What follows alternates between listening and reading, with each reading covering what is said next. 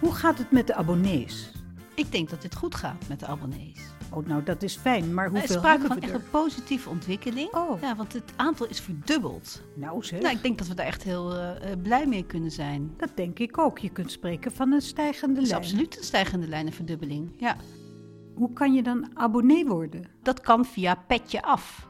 www.petje.af slash harenjet. Ah, En dan ja. betaal je eh 2 of 5 euro in de maand. Vragen we er geld voor? Een abonnement kost geld. Maar wat krijg je er dan voor? Nou, dan ben je een trotse abonnee van Harenjet. oh, kijk. Dan krijg je eh, elke nieuwe aflevering eerder te horen dan anderen.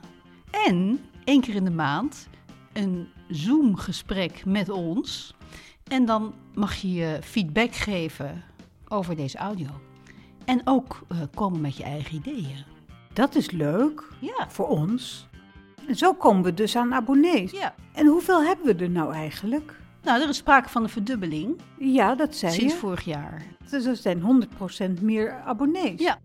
Maar hoeveel zijn het er dan? Het zijn er nu twee. Oh, Met veel dank aan Boukje en Sandra.